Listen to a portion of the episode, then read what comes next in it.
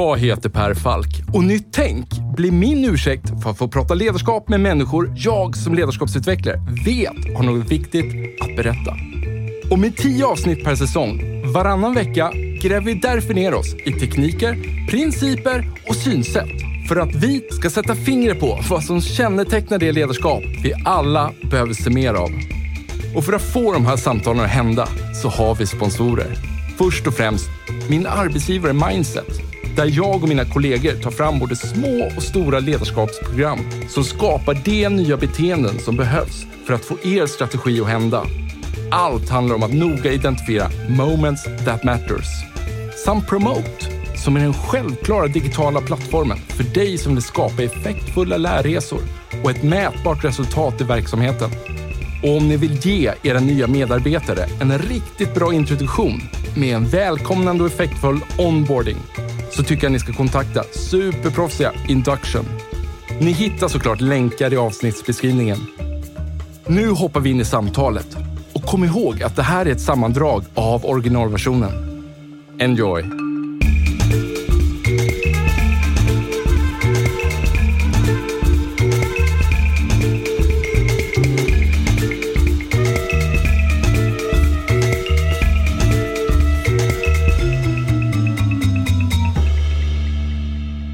Igår så stod jag faktiskt och, och skröt lite om att jag skulle få in dig i studion till en person, och, men det föll lite platt för, för personen kopplade inte vem du var. Mm. Och då stod jag där och ville liksom sätta en etikett på dig. Liksom, alltså, vad, vad, vad är ditt yrke? Liksom? Och då, då stod jag och famlade lite och sen till slut så sa jag någonting i stil med att du var en futurist. Utan att känna att det där var inte 100% klockrent, liksom, men det var det närmaste jag, jag landade i. Ja, men det ligger väl eh, lite där. Det låter ju lite högtravande och sådär. Men i grunden att... Lovar mycket. Ja, nej, men att, att eh, det handlar ju väldigt mycket om att titta på den tid vi lever i och fundera på vad av det vi ser just nu kommer att bli beständigt framåt. Hur kommer det samvariera med annat och hur kommer det påverka framtiden? Och vad betyder det sen för ledarskap, beslutsfattande, kommunikation? Så det är ju mycket av det jag gör, alltså kommunikation, berättelser, framtidsfrågor. Ehm, Så det, det var väl ganska träffande tycker jag. Då.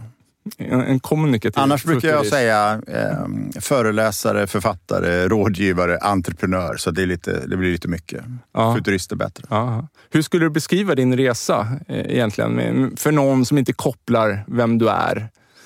För någonstans, Mm. jag förknippar ju dig, det, det, den första gången du hamnar på min radarskärm, det är ju i samband med Nya Moderaterna. Ja, nej men absolut. Jag, så här, jag är född och uppvuxen i Borås, i teko-Sverige. Eh, väldigt småföretagarorienterat. Men blev ganska tidigt i min liksom, ungdom politiskt aktiv och märkte då också att jag tyckte väldigt mycket om att skriva och formulera budskap. Jag tror att jag var kan ha varit 14 år när jag skrev min första debattartikel i Borås Tidning. Som tur är har inte internet lagrat eh, på den tiden. Eh, och sen så pluggade jag i Göteborg på Handels eh, och eh, men så fick jag möjlighet på, olika- av olika sätt. Så jag jobbade i politiken ganska mycket fram till egentligen 2013 med undantag av ett antal år. Jag jobbade i kommunikationsvärlden och i Kinnevik och sådär. Men där jobbar jag väldigt mycket med kommunikation, strategi och förändring. Både i det du pratar om här förnyelsen av Moderaterna, att förnya ett politiskt parti, att eh, faktiskt vara med med två väldigt, väldigt framgångsrika valrörelser. Men jag jobbade också sen i regeringskansliet. Jag var ju statssekreterare och statsminister med ansvar för kommunikation och framtidsfrågor. Så att det var ju en era, men det slutade jag med 2013. Eh, och sen dess har jag egentligen kan man säga, fortsatt jobba väldigt mycket med just framtidsfrågor, kommunikation, med väldigt mycket ur ett samhällsperspektiv. Allt ifrån rådgivning, startups, eh, kultur, eh, varit med och gjort en tv-serie. Så jag har försökt utforska det här på lite olika sätt. Eh, men idag så arbetar jag egentligen frilans. Jag har haft byrå tidigare med medarbetare men är, jobbar frilans, jobbar mycket med andra personer, tror väldigt mycket på att man lär sig om man är nära andra. Så idag jobbar jag väldigt mycket med Kjell och Nordström exempelvis. Eh, Vi har kommit ut med vår tredje bok och gör podd faktiskt i samma studio som vi sitter just nu. Eh, Och det har alltid varit någonting för mig, att hitta andra människor som ofta har lite andra perspektiv. Sen kommer pandemin sen kommer kriget och sen så accelererar samtidigt klimatkrisen. Och det är väl det precis i det mötet, i det ögonblicket som som jag och Kjell skriver den här boken. Och det börjar egentligen med att vi skriver en bok som heter Corona Express som kommer i december 20, mitt under brinnande mm. pandemi. Mm. Vi märkte att det blev ett väldigt stort intresse för just några som vågade tro någonting om framtiden. Eh, vi tänkte sen då att ah, vi ska skriva en uppföljare, inte minst fokus på arbetsliv och ledarskap. Då invaderar eh, Putin Ukraina.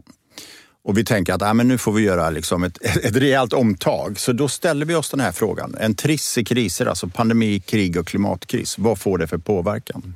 Och man kan säga att vi landar ner egentligen i att det här skapar eller lägger grunden för en ny världsordning. Det låter ju väldigt, väldigt pretentiöst och högtravande, men man kan säga att den består av fem delar. Det ena är globaliseringen mm. som vi ser eh, på något sätt bryts ner i värderingsmässiga regioner väldigt tydligt påverkar allt från kapitalanskaffning till internationaliseringsstrategier, vad vi rekryterar och så vidare. Mm. Vi ser klimatomställningen som ändrar karaktär, som går från att vara någonting som vi såg som en kostnad till att bli liksom drivkraften för tillväxt. Mm. Och vår lilla spaning är att det kanske är grunden för tillväxtfas de kommande 20-30 åren. Vi tittar, och det har vi gjort under ganska lång tid, hur det förändrar städer. Mm. Pandemin utmanade ju städerna, men vad vi ser är att städerna förändras. Mm. Och sen tittar vi naturligtvis på distansarbetet, eh, ett mer flexibelt arbetsliv och sen vad det betyder för ledarskapet. Så på något sätt så tror jag att det är väldigt lätt idag att se bara skog när vi tänker oss att det är pandemi, det är krig, det är inflation, det är energipriser att man ser liksom en skog och då är det lätt att man går in i vad man kallar för survivor mode. Jag ska bara överleva, jag tar ner mina risker. Men vi vet samtidigt att vinnarna, det är de som också agerar under krisen. Mm. Och för att sätta sig i det som då är den andra möjligheten, nämligen driver mode, att man sätter sig i förarsätet och påverkar utvecklingen.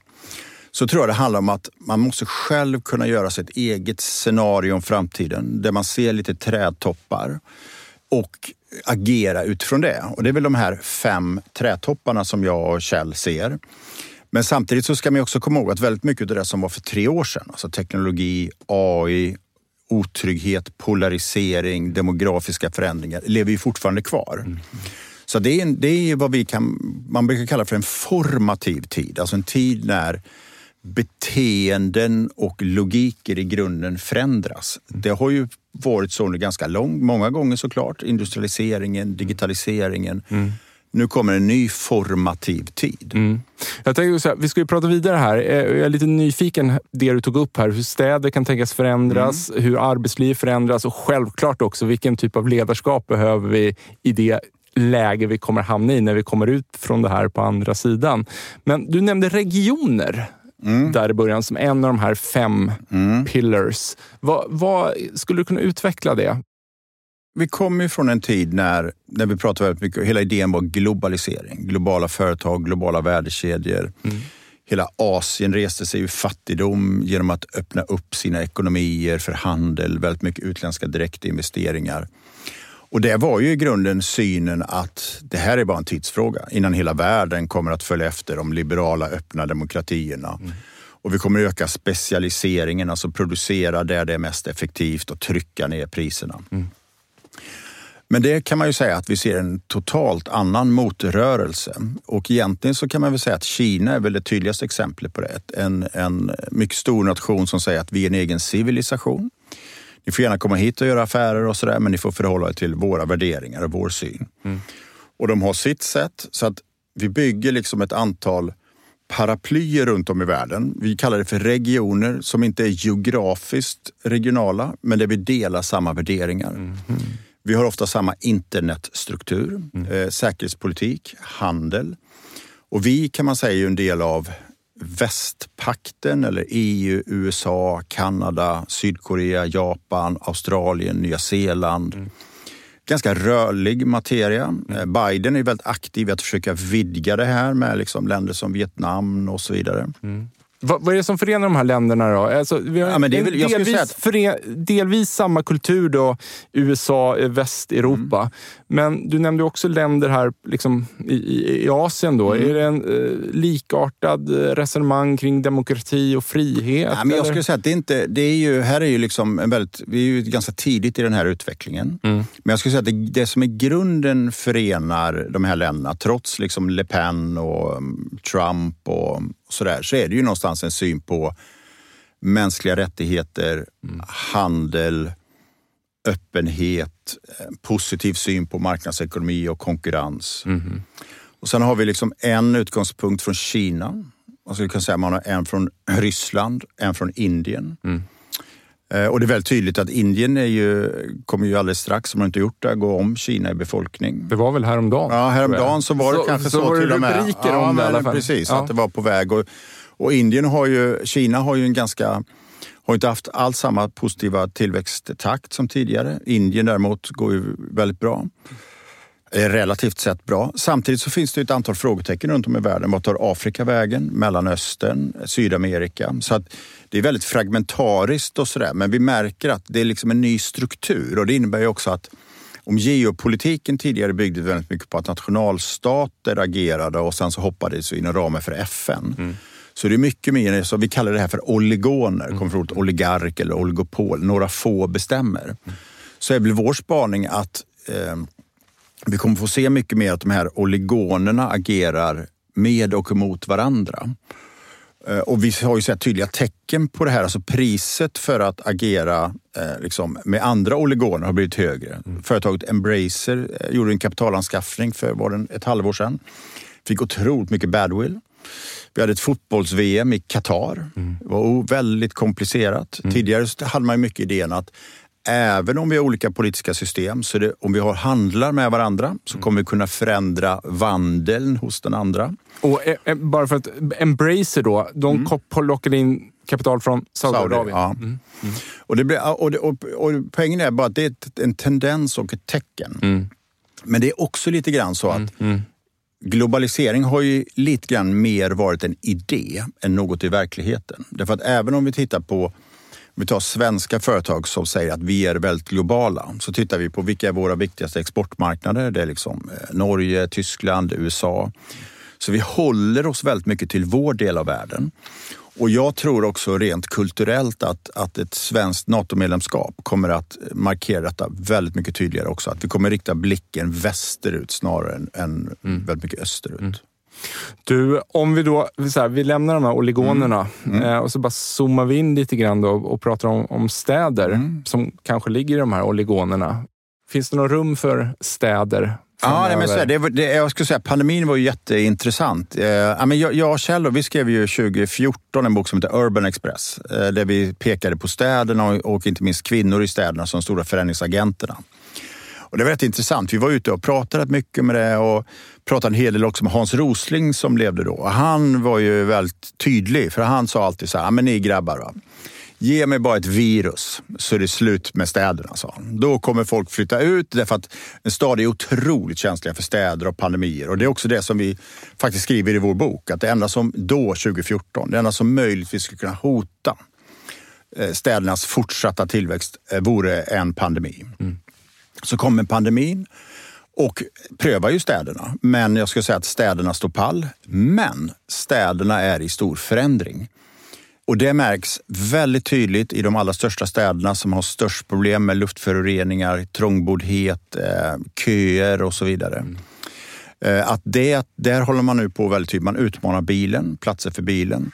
Och vad man gör, och det ser vi också i Sverige, det är att vi går ifrån den här idén om den funktionsseparerade stan där man arbetar på en plats, bor på en plats, mm. handlar på en plats, mm. externhandel där och så vidare till att vi decentraliserar städerna och att vi mycket mer bor i våra egna kvarter och lever och verkar och arbetar. Och det finns en fransk akademiker som heter Moreno som har skapat en väldigt enkel idé som heter 15 minuters staden som är eh, otroligt simpel men väldigt briljant. Som egentligen bygger på att var du än befinner dig så ska du inom 15 minuter till fots eller per cykel kunna nå arbete, fritid, naturupplevelser, återbruk. Mm. Och då handlar det om att decentralisera. Så att i Paris är ju en stad som går väldigt mycket i bräschen här. Ta bort platser för bilen, skapa platser för människor. I Barcelona finns det diskussioner om att skapa, de kallar det för superblocks. Eh, där 80 procent av alla transporter ska vara till fots, per cykel eller med kollektivtrafik. Eh, och det ser vi också i Sverige. Därför att det som hände då det var att vi fick de här lite grann av donutstäder där stadskärnorna utmanades medan kvarteren och stadsdelar eh, fick väldigt mycket liv. Mm. Och, och, Det bygger just på det här att, att, att, skapa kvarter som har den här mixen av allt det, män, det vi människor behöver. Men, men tror du, idén att skapa dem, tror du är en rörelse att det skapas av sig själv i storstäder i väst? Eller är det en aktiv tanke att det är åt det hållet vi borde ja, det skap, gå? Ja, det skapas ju absolut inte av sig självt. Utan, eh, idag, jag skulle säga så här, det här är ganska ovetenskapligt, men min bedömning är att det är i de städer där man har tydliga borgmästare, tydligt lokalt ledarskap, mm. som man går eh, allra mest i mm, bräschen. Mm, mm, Vad vi ser i Sverige är ju att stadsutveckling bygger mycket på samarbete. Vi har ganska svaga politiska ledningsstrukturer. Utan här skulle jag säga att det snarare är fastighetsbolag som vågar mm. äga koncentrerat. Mm. Den gamla logiken i fastighetsbranschen har egentligen varit att det är en finansiell placering och du ska äga många olika typer av fastigheter på många olika platser för att ta ner risken. Stadsutveckling handlar om att våga äga koncentrerat och det har vi sett eh, exempelvis i Stockholm, AMF Fastigheter som har utvecklat hela Brunkebergs torg. Vi har Diös, ett fastighetsbolag som äger fastigheter koncentrerat i tio tillväxtorter i norra Sverige. Mm. Så jag tror att i Sverige så är det mer av samarbete, men jag tror att fastighetsbolagen spelar en nyckelroll och de som opererar i fastigheterna, alltså innehållet. Mm. Och väldigt mycket handlar ju om bottenvåningarna, bottenvåningslivet. Det är det som skapar attraktion och det visar sig också att, att kontor, alltså med klassiska kontorshyror, alltså attraktionen för ett kontor är väldigt avgörande vad vi har i bottenvåningarna. Och där menar du kaféer, restauranger? Kaféer, restauranger, hälsa, kultur, ja. coworking, ja. allt sånt där. Och det har ju tidigare varit väldigt mycket handel. Mm -hmm. Och handeln är ju fortfarande viktig. Det sker en stor omvandling, mycket mer upplevelsebaserad. Men eh, här är ju ett mycket mer holistiskt perspektiv. Och jag tror att en, en nyckel nyckel för en framtida attraktiv plats är ju att den ska stå för livskvalitet och flexibilitet. Det ska vara hållbart. Mm. Men jag tror också att arbete är en nyckel. Att det handlar inte längre bara om att locka företag att etablera sig utan platser måste vara attraktiva för oss att arbeta. Mm. Så jag är helt övertygad om att den här det vi kallar de tredje rummen för arbete. Inte hem, inte arbetsplatsen utan kaféer, restauranger, coworking, hotellobbys, mm. vad det än är. Mm. Vi kommer få se en dramatisk tillväxt där och en enorm innovation i nya sätt att, att göra detta. Mm. Och jag såg en siffra att ungefär 10 procent av kontorsytorna i Stockholm nu är coworking. Så WeWork var lite före sin tid då? Innan ja, de gick lite omkull. före sin tid. Jag skulle säga att det var många som, som var ett, vi kallade det för kontorshotell tidigare, kallade det för Regus och sådär. Ja. Så att allting sker ju en utveckling och kreativitet är ju att ta kända ting och göra någonting nytt av. Ja. Uh, ja, men WeWork var tidigare, det, finns ju, det kom ut en rapport bara häromdagen från The Remote Lab som jag tror visar på att det finns Ja, det är hundratals coworkingplatser i Sverige och inte bara i storstäderna nu utan i princip eh, i alla ja. platser. Och det är helt fantastiskt. Ja, ja. Det finns till, till och med helt obemannad eh, coworking. Det är otroligt intressant för att se hur vi kan få hela Sverige att leva. Hur, hur, det är ju därför att vi har väldigt höga arbetskraftskostnader såklart. Men eh, obemannade butiker, obemannad coworking, obemannad gym. Eh, och det bygger ju allting på att Sverige är ett samhälle med hög tillit mm. Eh, och mm. tillsammans med BankID så kan vi mm. skapa mm. den typen av system. Det är ju fantastiskt. Mm. När, när du ändå nämner det, då, så här, vad, vad, vad, vart ska vi hitta jobben då? Eh, I, i framtiden? Ja, jag, är ganska, jag, är, jag är ganska hoppfull faktiskt. Det är ju det är framförallt den varuproducerande delen av eh, vårt samhälle som mm. starkt automatiseras. Eh, stora delar av tjänstesamhället, inte minst de här, man brukar säga lite, lite mer kvalificerade enkla jobb. Eh, jag tror vi kommer se att AI och sådär massivt kommer att kunna ersätta sånt som vi människor har gjort inom juridik och marknadsföring mm. och så vidare. Mm. Men Men jag tror att det som gör det centrala är ju hela tjänstesektorns framväxt. Vi kommer jobba så mycket mer tror jag, med utveckling, lärande, livslångt vuxenlärande kommer ju mm. kräva väldigt mycket. Hälsa, kultur, reflektion. Eh, vi har en demografisk utveckling med många äldre. Mm. Vi vet inte riktigt hur långa demenstiderna blir, om de mm. följer med och sådär. Mm. Så att jag tror att det som ju kommer avgöra vad vi kommer att jobba med är människans eh, fantasi och förmåga. Eh, så att jag är inte så orolig i den delen. Däremot så tycker jag att det finns en annan del av det och det är ju att jag tror att framtidens kompetenser kommer vara väldigt annorlunda. Ehm, det, jag tror att någonstans är ju en nyckel att, att förstå teknologi och vad teknologin kan användas till. Mm. Men att, att kombinera det med eh, förmåga, alltså kognitiv förmåga, nyfikenhet på människor, relationer och så vidare. Kan vi säga något mer om, om hur arbetsplatsen förändras? Ja, nej men så här i grunden så kan man ju, vi kan, känner ju alla till siffran ungefär, att ungefär 30 procent av de som jobbar på svensk arbetsmarknad har möjlighet att helt eller delvis jobba på distans. Mm. I undersökningar så uppger de att de vill jobba ungefär två dagar i veckan på distans. Då kan man ju ställa sig frågan, är det här en stor förändring eller inte? Nämligen att 30 procent av de som jobbar i Sverige vill jobba två dagar i veckan någon annanstans än på kontoret. Jag skulle säga att det här är en dramatisk, närmast revolutionär förändring. Därför att det stora som händer det är att det som har varit en konstant, nämligen att vi har sett arbete på ett visst sätt, blir nu en rörlig variabel. Plötsligt så kan vi göra lite grann som vi vill. Plötsligt så kan vi använda innovation, mångfald, utveckling på ett område som har varit statiskt. Mm. Och det här tror jag kommer att, och det är det som gör att vi har en jättemycket diskussion. Är det bra med hybridarbete, distansarbete? Är inte bra? Senast jag såg nu så var det, eh, var det Disney eh, fyra dagars vecka, Apple tre dagars vecka, Twitter fem dagars vecka. Alla gör olika. Mm. Det här tror jag är liksom en nyckelpoäng, att vi går in i ett samhälle där det som var statiskt blir en strategisk ledningsfråga som är väldigt kopplad till attraktion.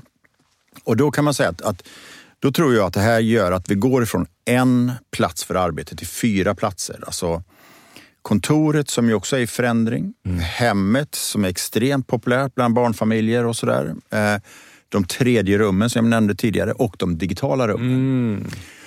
Och Jag tror att det finns, jag har en väldigt positiv syn på ett flexibelt arbetsliv. Eh, jag tror det finns jättestora vinster här, men jag tror att för att ta vara på vinsterna så måste vi också utveckla ledarskapet. Ledarskapet måste bli mycket mer kommunikativt, peka ut en riktning. Mm. Det måste bli mycket mer strukturerat för att skapa processer där man kan bidra om man är på olika platser. Mm. Därför att vi kan inte själva organisera oss. Och det måste, tror jag, bli mer empatiskt. Så, att, så då tror jag att man kan få ut vinsterna. Jag har ju, den här boken har jag skrivit med Kjell Nordström. Han är ju eh, forskare och doktorerar på Handels. Mm. Och när vi har tittat på det ur ett mer också organisatoriskt perspektiv så kan det vara så att om vi kallar det för hybridorganisationen, att det är den största innovationen sedan matrisorganisationen.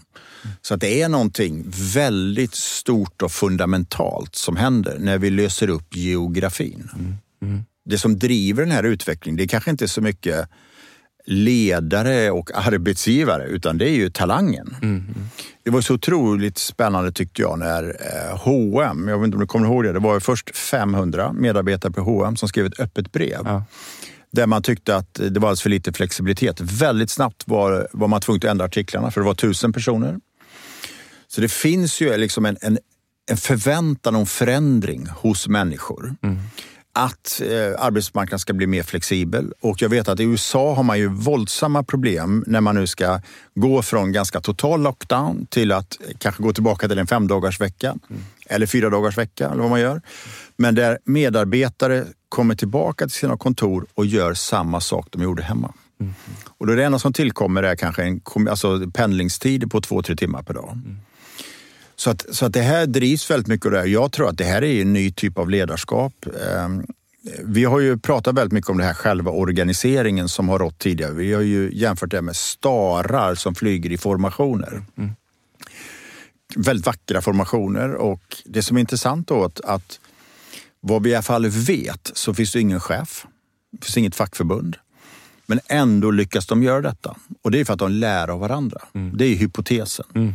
Och så har ju arbetsplatser fungerat. Vi lär av varandra. Vi tittar på varandra. Vad är det för koder som gäller? Vad är det för kultur och så vidare. Mm. Och när vi inte kan göra det, när vi jobbar mer decentraliserat, så måste ju ledarskapet bli tydligare, peka ut en riktning. Och det brukar man använda en annan sån här liknelse, nämligen att om vi inte gör det så riskerar ju medarbetarna att jobba i sugrör. Man vet vad man själv gör, men inte vad någon annan gör. Och det är bara ledarskapet. Så att ledarskapets kommunikativa förmåga, vi kallar det för ett berättande ledarskap, nämligen förmågan att i det lilla och i det stora peka ut en riktning med det vi håller på med. Ja. Du nämnde ordet empati tidigare, mm. ett ord som, som dykt upp rätt ofta i tidigare avsnitt. Här. Vad lägger du in i det begreppet och varför blir det ännu viktigare? Det som jag tycker är det allra svåraste, jag, när jag har varit ledare och så, det har ju varit rekrytering. Och skälet till det är att man har egentligen två dimensioner att titta på. Det ena är ju vad en människa har gjort i erfarenhet. Och det andra är vad en människa har för potential. Mm. Mm. Och för att se vad människor har för potential så krävs det att man är öppen, nyfiken, nära människor. Och man har en fantasi och kan se hur människor kan växa. Och jag tror att den typen av empati, att vara nära människor, kanske inte fysiska rummet, men mentalt, att se hur människor kan utvecklas och växa, mm. men också se när människor inte mår bra. Så för mig handlar det väldigt mycket också om att ha det här emotionella perspektivet. Sen så finns det ju andra teorier som jag också tror det ligger mycket i. Man pratar om kindness som extremt effektivt sätt. Att snällhet, kindness, som ju är ett det är någonting annat än, än det här emotionella, empatiska, eh, men som jag också tror är väldigt lönande. Mm. Därför att om allting till slut handlar om talang och kompetens så tror jag det handlar om vad är det för typ av miljö man vill arbeta i. En som präglas av kindness eller en som präglas av liksom att man trampar på varandra och går över lik. Det är klart man vill jobba i en miljö som står för kindness och som tillämpar det och som har en transparens och öppenhet och sådär. Men för att det finns ju också andra undersökningar som visar att människor som vill göra karriär, de är ganska tydliga med att de säger att om man vill göra karriär, då ska du vara på jobbet fysiskt och du ska vara nära chefen. Och det är klart att det säger ju någonting om att vi inte hittills har lyckats utveckla ett, ett ledarskap som också ser människor när vi jobbar mer distribuerat. Ja. Vi pratar om kindness, empati mm. och det, det berättande ledarskapet. Mm. Varför har man klarat sig utan det tidigare? Om, om jag hårdrar, var, varför har man kommit undan med att, att inte blomma ut ett ledarskap inom de områdena tidigare? Jag, jag, skulle säga att, att... Och varför behövs det ja, nu? Jag, jag, skulle säga, jag tror att det är väldigt svårt att säga att vi inte haft det tidigare och vi ska ha det nu. Och min syn på utveckling är att den inte är revolutionär och att den förändras liksom med nollor och ettor. Utan vi har ju har historiskt funnits väldigt, väldigt duktiga ledare och mm. kommunikatörer eller ledare som har varit berättande, liksom visionärer, pekat ut en riktning. Men jag tror också det är så nu att, att det här går liksom parallellt med hela medielandskapets utveckling. Mm. Jag brukar tänka att i en tid av masskommunikation, när man tänkte väldigt mycket ledningen har ett informationsförsprång, centrum kommunicerar ut till periferin. Mm. Med liksom sociala medier, när, vi har, när alla konverserar med alla, så förskjuts ju makten ut till periferin. Mm. Och det enda vapnet du har kvar, och det är ju tilltagande, det är förmågan att inspirera och skapa energi. Mm. Och det är klart att när det är så och vi dessutom adderar på att vi plötsligt jobbar distribuerat, då blir ju ledarskapet viktigare. Så det är också liksom om ett antal faktorer utanför mm. som gör detta. Mm. mm. Men man kan också säga så här, det finns ju inget ledarskap någonsin som har fungerat utan kommunikation. Mm. Det har alltid mm. funnits där. Det är bara att omvärlden har förändrats och behoven har blivit viktigare tror jag. Och vi har ju också i vår bok en liten kort exposé över varifrån hämtar vi ledarna? Från liksom militärerna, juristerna, ingenjörerna, ekonomerna och nu kommer liksom kommunikation, HR, de som gillar andra människor att bygga lag. Ja. Du, superbra samtal, men för att respektera din tid nu så ska Bra. vi börja stänga igen det här. Och Jag måste bara ta en sista fråga med dig. Vi började ju med att, att prata om Nya Moderaterna och din resa med det. Jag har lovat en politiker som jag känner här som kommer från ett helt annat politiskt spektrum än, än du själv och, men som har ett stort eh, liksom, eh, professionell respekt för ditt yrkeskunnande här. Och han skickade med en fråga med mig som han ville att jag skulle ställa till dig. Och han undrar om det positiva politiska budskapet är dött? Nej, det tror jag inte. Det är en extremt bra fråga. Eh, jag, vad, vad, vad, menar han? Ja, men vad jag tror han menar är så här. Jag tror att man, eh, man har alltid ett val att göra i politisk kommunikation. Man kan välja att prata om hot, det som hotar människor. Och budskapet är att vi ska mildra det som hotar dig. Mm. Eller så kan vi prata om hopp. Hur vi gör någonting bra ännu bättre. Och de väldigt tydliga exponenterna för detta är ju Obama med mycket hopp, change och så vidare. Medan Trump och andra och hela den svenska politiska kontexten senaste valet handlar väldigt mycket om hot. Jag tror inte att det är så, återigen, att det är ettor och nollor. Jag tror att det finns en bild eh, hos stora delar av det politiska systemet av att det är liksom hot som är det mest effektiva sättet. Det brukar också psykologer säga att vi människor värdesätter väldigt mycket liksom trygghet, förutsägbarhet. Eh, eh, samtidigt så tror jag att det finns eh, ett väldigt starkt sug faktiskt hos människor att kunna ta del av en aspirativ berättelse framåt som är hoppfull, mm. som handlar, tror jag, om att de kriser vi nu är i, frågan är hur tar vi vara på möjligheter och gör det här samhället ännu starkare? Det finns massor att göra i hur vi kan bli ett starkare samhälle till följd av klimatomställningen, utveckla Sverige till ett mer cirkulärt samhälle. Ta det faktum, och jag skulle säga att Sverige har unika möjligheter. Hela det nya arbetslivet vi pratar om. Eh, Sverige har, vi har väldigt platta organisationer. Mm. Till skillnad mot länder som Frankrike, Storbritannien. Vi kommer att ha mycket enklare att adaptera ett nytt sätt att arbeta. Mm. Och vi har en hög tillit i Sverige. Så jag Mot tror att, myndigheter? Ja, ja, myndigheter och mellanmänskligt. Mm, mm, så jag, jag, tror att det finns väldigt, väldigt goda möjligheter. Samtidigt så tror jag att det är så här att i ett läge vi har haft de senaste månaderna med väldigt mycket osäkerhet kring inflation, energipriser, energiräkningen, elräkningen och så vidare. Så det är klart att då kan man ställa sig frågan hur mottagliga är människor för en positiv berättelse om man känner att eh, kanske ens tillvaro är på väg att rasa? Och det är klart, det gör det inte. Men jag tror att vi under 2023 kommer att gå över från den här genuina osäkerheten om inflation, eh, om energipriser mot en kanske tydligare, vad vi kallar för lågkonjunktur.